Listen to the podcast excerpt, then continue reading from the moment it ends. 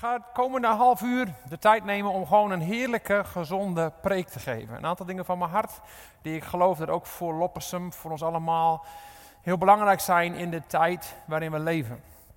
Um, terwijl ik nadacht om, om een stukje te delen, uh, toen de oudste mij vroegen van, hey Lodewijk, kun je online uh, met ons verbonden zijn? Um, moest ik gelijk denken aan de allereerste serie die ik heb gedaan in Nederland toen ik net voorganger werd. was in 1999. Ik werd in november 99, 13 november geloof ik, uh, ben ik ingezegend als voorganger uh, in Loppersum. En um, toen deed ik een serie in die periode. Sommigen van jullie die er toen nog waren, weten hem misschien nog wel. Uh, maar die serie die was samengevat in de volgende titel. Reizen of ronddolen? Met een vraagteken. Gaan we reizen of gaan we ronddolen? En vanmorgen wil ik een preek gewoon in één half uur. Dus we gaan niet de hele serie doen, maar eigenlijk met diezelfde titel. Gaan we reizen of gaan we ronddolen? En een aantal van de gedachten die ik vandaag heb, zijn niet in herhaling van uh, 20 jaar geleden, maar eigenlijk van toepassing op vandaag. Uh, hoe het nu zit en waar we nu staan. Maar ik denk dat die vraag ook zelfs voor nu heel erg van toepassing is. Uh, alles wat er gebeurt, overal waar we zijn, zowel wat er nu gebeurt rondom COVID, uh, maar ook met betrekking tot zelfs de reis van de gemeente, uh, waar de gemeente in de afgelopen periode doorheen is gegaan, waar we nu staan, waar de gemeente nu staat, is dit eigenlijk een hele, hele goede vraag. op dit punt gaan we reizen of gaan we ronddolen? Rondom alle restricties die er zijn. Gaan we nu ronddolen? Gaan we reactief reageren? Of zijn de zaken juist vanuit ons goddelijk perspectief omdat wij burgers van het hemels koninkrijk zijn. Waarin wij geïnspireerd worden door het perspectief van de hemel. we hebben het altijd geleerd, we hebben het er heel vaak over gehad. Dat hoe God dingen ziet, dat is de bron van onze inspiratie. Wij vanuit onszelf moeten niet alles geloven wat we denken. Niet alles geloven wat we voelen. Maar vanuit wat de hemel tot ons spreekt, dat is ons eikpunt. Dat is waarvanuit wij richting vinden voor de toekomst en voor waar we heen gaan. Dus in deze periode, wat zegt God? Wat zegt de, de, de hemel? Wat is de richting? En hoe kunnen wij eh, voorkomen dat we gaan ronddolen waarin we alle kanten op gaan? En hoe kunnen we eh, reizen? En als ik daar een stukje over, over deel, voordat ik begin, voordat we zelfs gaan kijken naar de Israëlieten die ook een uittocht hebben meegemaakt, daar we heel veel van kunnen leren. Dan wil ik jullie iets laten zien wat ik ook hier in de gemeente een paar keer gebruikt heb. En dat is een fantastische boot die Tim en Amy samen hebben gemaakt. Uh, ik ben onder de indruk. Uh, even kijken of we hem kunnen zien. Ja, we zien hem supergoed. En uh, die hebben ze helemaal gemaakt van karton. Maar een aantal weken geleden was hij nog niet af en toen heb ik weer een preek gebruikt. Want toen had hij nog geen mast, had hij nog geen, geen zeilen, had hij nog geen roer. en toen leek het meer op een ark. En een kenmerk van de ark was dat hij geen mast, geen zeilen, geen roer had. Omdat hij eigenlijk ging waarheen de golven hem brachten. Um, en dat is, dat is in het begin van een storm, in het midden van een storm is dat soms hoe het is. En dan is de enige eikpunt die we hebben, is dat Jezus met ons in de boot is. En dat hij ons er zeker doorheen zal halen. Maar als de storm, eh, de, de storm gaat liggen en, en alles wordt rustig, dan, dan geloof ik dat God ons ook roept naar een andere uh, fase. Waarin we niet alleen gaan ronddolen en rondgeslingerd uh, worden door golven. Maar de boot waarin we in zitten, dat is ons leven, onze toekomst, het vehicle waardoor wij bewegen. Uh, dan hebben we meer nodig dan alleen een boot. Dan hebben we mast, zeil, roer. Uh, en dan hebben we zelfs richting daardoor. En uh, ik geloof dat we nu als gemeente en zelfs als, als, als land en landen in de wereld in een fase zitten. En als kerk van Jezus Christus. In een fase zitten waarin een aantal weken geleden misschien de golven even hard aankwamen. Maar nu is het tijd, de boot van de gemeente dat de boot van ook waardevol leven gemeente in Loppersum gebruik gaat maken van de wind en de zeilen, de masten en het roer om richting te hebben. Het is een teken van we gaan op reis. We hebben een kompas, we hebben een eikpunt en er is richting. En in deze preek een aantal hele simpele punten, uh, geïnspireerd door de reis van Israël, waar wij van kunnen leren om in plaats van rond te dolen te gaan reizen. Uh, grootste inspiratie voor deze preek is het volk Israël. En we weten natuurlijk dat toen zij uit Egypte gingen, dat zij uiteindelijk toch ronddolen en 40 jaar erover deden in iets wat in 40 dagen had gekund. En ik geloof dat er een aantal principes zijn die jou en mij en ons kunnen helpen om in Gods timing, of hij nou 40 dagen of 40 jaar of 40 weken, wat hij wil doen, maakt eigenlijk niet zoveel uit. Maar er zijn principes die we kunnen leren van het volk Israël om ons te helpen om niet te gaan ronddolen, maar te gaan reizen. Voordat we erin duiken, eventjes Egypte. Egypte staat voor van alles natuurlijk. Als we kijken van, uh, als we het verhaal lezen dat, dat uh, Israël slaven waren geworden van Egypte, terwijl 430 jaar eerder was uh, Egypte hun veilige haven, hun plek waar ze juist konden overleven. En nu moesten ze overleven. en nu zaten ze zelfs in een overlevingsmodus als slaven 430 jaar later. En dat is een beeld in eerste instantie van iedereen die Jezus niet kent. Uh, en die daarvanuit uiteindelijk uh, binnengaat in het, in, in het, leven met Jezus. Uh, bekering, natuurlijk staat Egypte daar het meest voor. Je oude leven en dan je nieuwe leven. Maar Egypte staat voor veel meer dan dat. Er zijn veel meer dingen waar je dit op kunt toepassen. op je denken, depressiviteit, um, op je huwelijk, misschien moeilijk, moeilijkheden in je relatie. Op je gezin, moeilijkheden in je gezin. Op je omstandigheden, waar je het ook op wil toepassen. Als je niet uitkijkt, kun je in omstandigheden, Egyptische omstandigheden terechtkomen. Die je beperken, die je vasthouden. Voor sommige mensen is het zelfs een soort van veiligheid geworden. Maar eigenlijk een schijnveiligheid en geen echte vrijheid. Dat is alles waar eigenlijk Egypte voor staat. Dus als wij zo meteen naar gaan kijken, als we deze reis gaan onderzoeken en er lessen uit gaan leren. In je eigen hoofd, zelfs op dit moment. Neem Egypte en pas het toe op wat het ook maar is dat jou op dit moment onderdrukt.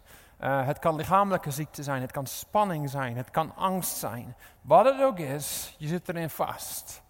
En ten diepste moet je, eh, is, is dit wat er voor jou nodig is. Je moet ergens uit waar je in zit.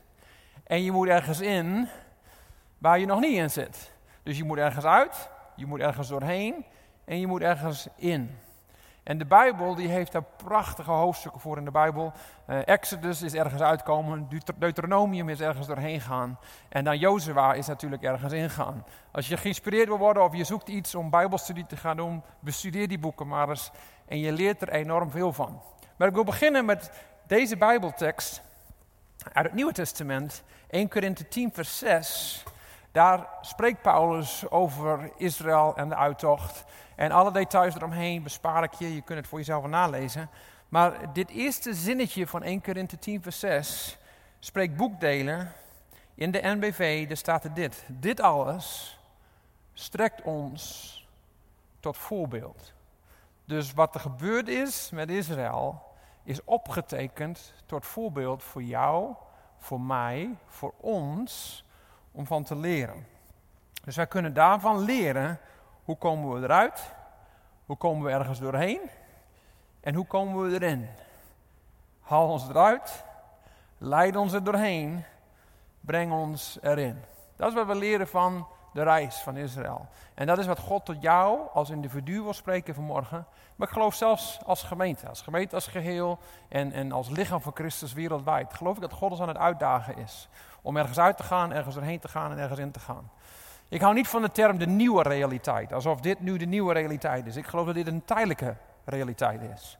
Ehm, ik geloof wel dat de nieuwe realiteit die gaat komen anders is dan de oude realiteit. Wat was, zal nooit meer zijn zoals het is geweest.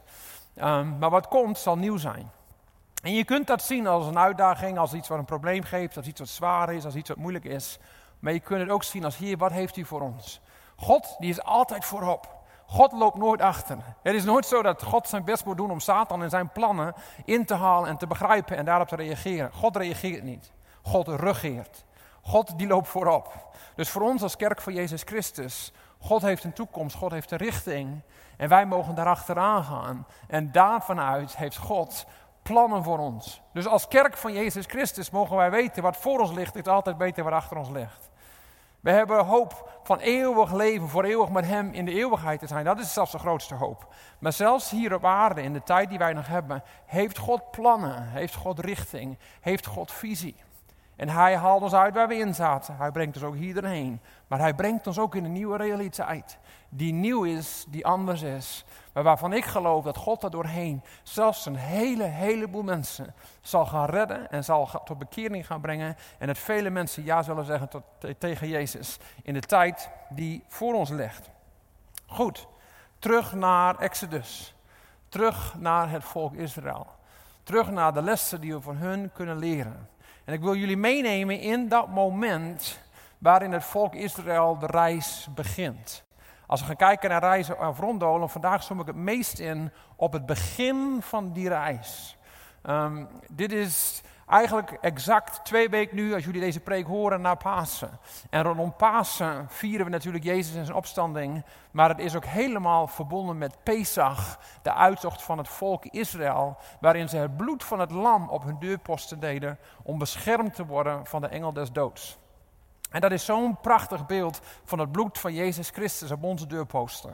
Als wij Psalm 91 uh, eh, lezen, waarin wij beschermd worden, dan heeft het alles daarmee te maken. In Jezus Christus hebben we bescherming.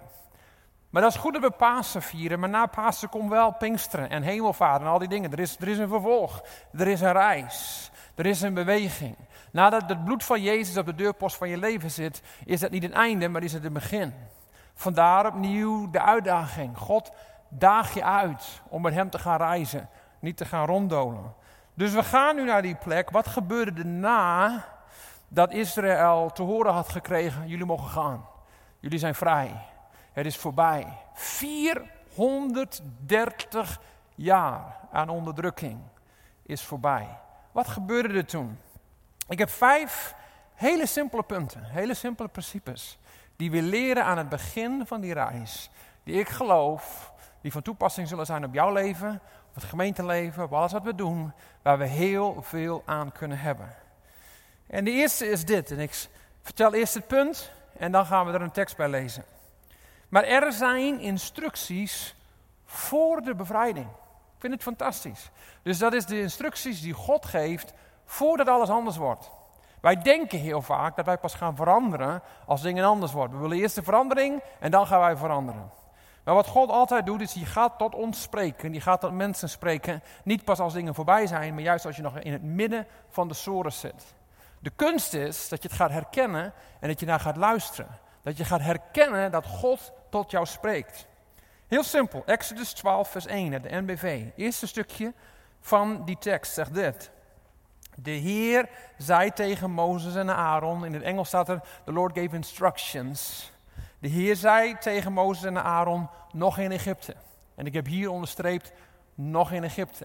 In het Engels staat er, while still in Egypt terwijl ze nog in die omstandigheden waren, spreekt God. En dan als je dan verder leest, dan zijn er heel veel instructies. In Deuteronomium, Exodus en al die plekken zie je enorm veel instructies die God geeft om jou te helpen ergens uit te komen, ergens doorheen te gaan en dan ook ergens in te gaan. Dat is wat God voor je heeft. Maar het gebeurt niet zonder instructies.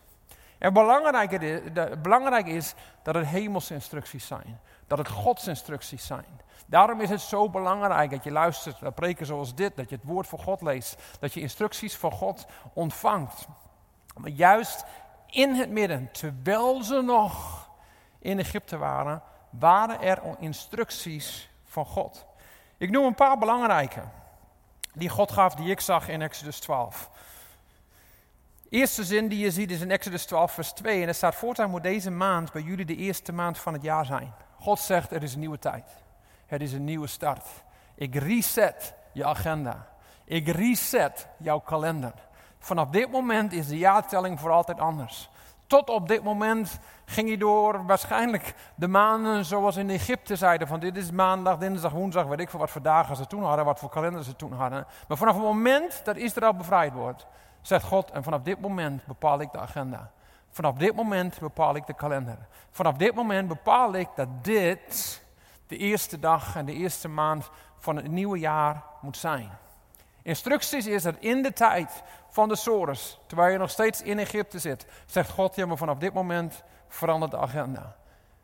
Zie dit als de eerste dag van een nieuwe tijd.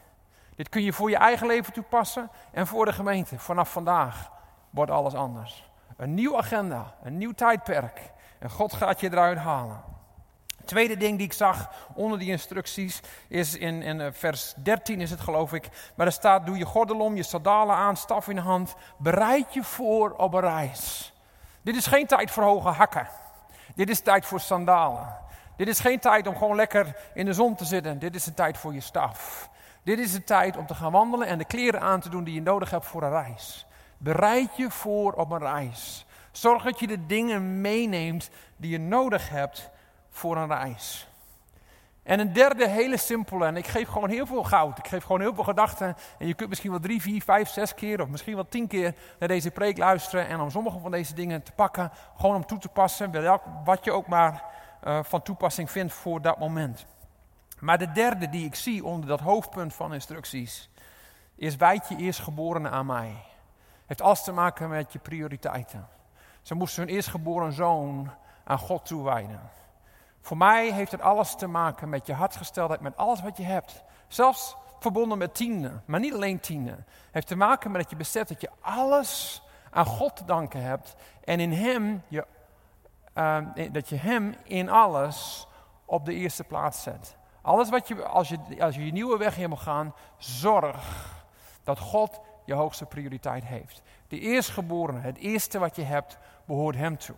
Nogmaals, altijd als ik praat over tienden is het nooit iets wet wetties, maar is het een hartsgesteldheid. Maar, voor alle duidelijkheid, ik heb het niet alleen over tienden. Ik heb het over dat je in alles wat je hebt, alles wat je bezit, zelfs hier ging het om eigen kinderen. Dat ze beseften, elk kind, alles heb ik aan God te danken. En God heeft de eerste plaats. Drie simpele instructies. En als je wilt kun je er zelfs nog veel meer vinden als je zelf Bijbelstudie gaat doen. Voor de bevrijding. Die dingen die God zei terwijl je nog in Egypte zit. Doe dit, denk hieraan. Reset je kalender. Doe de juiste kleren aan. En zet mij op de eerste plaats. Een tweede hele belangrijke die ik zie uh, voor het volk Egypte terwijl ze weggingen, is dat er een goddelijke route is. Er is een goddelijke route. De tekst die ik daarbij gebruik is Exodus 13 en we beginnen vers 17. Toen de farao het volk had laten vertrekken, leidde God hen niet langs de weg die door het gebied van de Filistijnen loopt. Ook al was dat de kortste route. Wij mensen willen altijd de kortste route. We willen altijd de snelste route. We willen altijd een shortcut, zo snel mogelijk aankomen. De snelste weg. Maar God zegt, ah, ah, ah. als je met mij gaat reizen, als je eruit wil, als je erheen wil en als je erin wil, dan bepaal ik de route. Niet de kortste, geen shortcuts, maar de juiste richting die God voor je heeft. Ik lees verder. God dacht namelijk, als ze de strijd zouden moeten leveren, konden ze wel in spijt krijgen en teruggaan naar Egypte. Daarom liet hij het volk een omweg, omweg maken en door de woestijn naar de Rietzee trekken. Een omweg maken. Die twee dingen, niet de kortste route, maar een omweg. Geef ruimte dat God jou soms op een omweg leidt. God weet het altijd beter. Daarom is dit punt ook, er is een goddelijke route. Ik zeg niet, er is een route, er is een goddelijke route. God bepaalt. Zelfs op dit moment wil ik dat heel graag over jou en over jullie uitbidden. In de naam van Jezus wil ik over Waardevol Leven Gemeente en over iedereen die deze preek luistert, uitbidden en uitspreken dat Gods goddelijke route in jouw leven geactiveerd wordt. En dat je God mag zien en dat je zijn routeplan mag ontvangen. En zelfs als hij je soms op een detour lijkt, als hij je soms op een, op een andere route brengt, dat je mag weten dat God weet wat hij doet. En God beschermt je en God leidt je ook naar de juiste plek. Zelfs als het de Rietzee is, waar ze daar later uiteindelijk op een bovennatuurlijke wijze doorheen moesten. Maar God bepaalt de route. En in Jezus' naam zet ik het vrij over jou. Dat jij Gods route zult bewandelen. En het derde punt is er eigenlijk heel nauw mee verbonden. Twee en drie zou je ook als één punt kunnen nemen.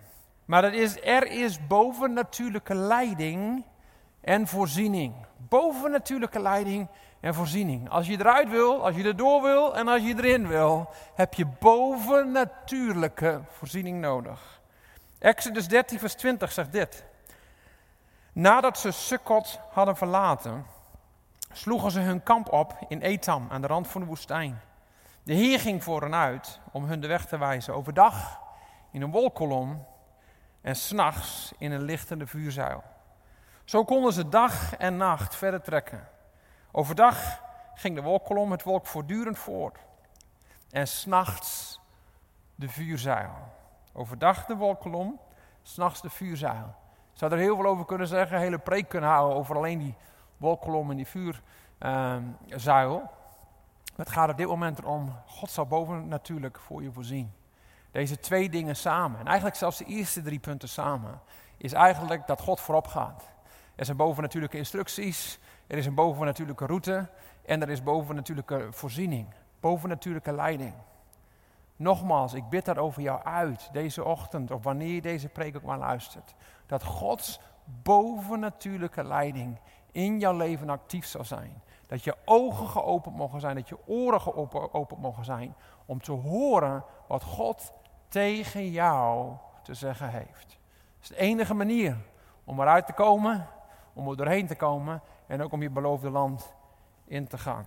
Is hier fantastisch? Als ik hier nu was, zou ik tegen jullie zeggen van... hé, geef me even high five of wat dan ook. Maar ik vind dit echt fantastische, goede punten... waar ik zelf altijd heel veel aan heb. Dus ik, ik, ik preek dat jullie. Maar dit zijn de dingen die God ook tegen mij zegt... wat mij zo enorm helpt. Dit is hoe ik leef. Dit is hoe ik wil leven. En dit is de enige manier om te voorkomen... dat in mijn leven ik niet ga ronddolen, maar dat ik ga reizen.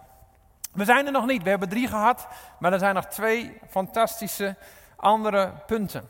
En de vierde die ik je wil meegeven vandaag, is je brengt dingen mee. Very, very simple. Ik begin al Engels te praten. Heel simpel. Je neemt dingen mee. Ik lees een paar teksten. Exodus 12, vanaf vers 34 tot 38. Dan lezen we dit. Toen pakten de Israëlieten hun baktroggen, met daarin het nog ongedezemde deeg, wikkelden die in kleren en namen ze op de schouders. Ze hadden gedaan wat Mozes had opgedragen en de Egyptenaren om zilveren en gouden sieraden en om kleren gevraagd. En de Heer had ervoor gezorgd dat de Egyptenaren hun goed gezind waren, zodat ze op, verzoek, zodat ze op hun verzoek ingingen. Zo beroofden ze de Egyptenaren. De Israëlieten trokken te voet van de Ramesses naar de Sukkot. Een aantal bedroeg ongeveer 600.000. Vrouwen en kinderen niet meegerekend. Dus in totaal iets van 3 miljoen Israëlieten.